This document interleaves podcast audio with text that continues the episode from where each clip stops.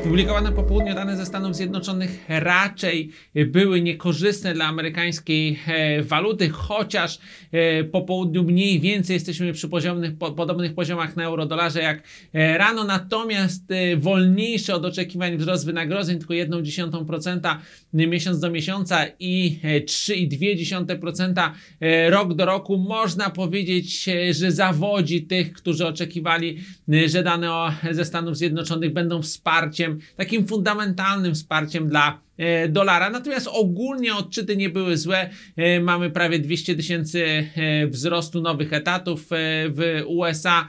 E, Pozostałe parametry też były mniej więcej e, na niezmienionym poziomie, poziom bezrobocia. E, Trochę spadła aktywność zawodowa, ale te zmiany dotyczące aktywności zawodowej, podobnie zresztą jak te dotyczące e, liczby miejsc e, pracy w sektorze pozarolniczym z miesiąca na miesiąc e, wahają się głównie ze względów e, na małą próbę e, statystyczną e, zbieranych w USA e, ankiet. Natomiast patrząc co się dzieje z Brexitem, można powiedzieć, że jest znowu przeciąganie liny pomiędzy Londynem i Brukselą. Londyn chce wydłużenia okresu pozostawania w Unii Europejskiej do końca czerwca. Bruksela oferuje przez kolejny rok, żeby Wielka Brytania pozostała w Unii Europejskiej, gdyby nie udało się e, wypracować wewnętrznie nowego porozumienia e, z Unią. E, Ta hojna propozycja ze strony Brukseli oczywiście tak naprawdę jest policzkiem dla Wielkiej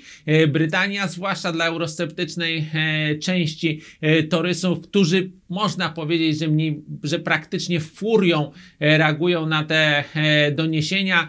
Taki e, emocjonalny wpis e, opublikował Rhys Mogg, e, czyli e, ten przedstawiciel właśnie eurosceptycznej części torysów, który tak naprawdę chce torpedować działania między innymi Parlamentu Europejskiego, gdyby Wielka Brytania została w Unii Europejskiej i musiała być, e, czy jej przedstawiciele byliby członkami Parlamentu e, Europejskiego. Także e, niepewność, słaby sentyment pomiędzy obym, ob, ob, oboma stronami, również cały czas brak rozwiązania dotyczącego międzypartyjnego porozumienia pomiędzy pomiędzy Jeremy Corbynem i, i Teresą May w tych e, właśnie bilateralnych rozmowach na temat nowego, nowego dealu pomiędzy Wielką Brytanią i Unią Europejską. Także niepewność i to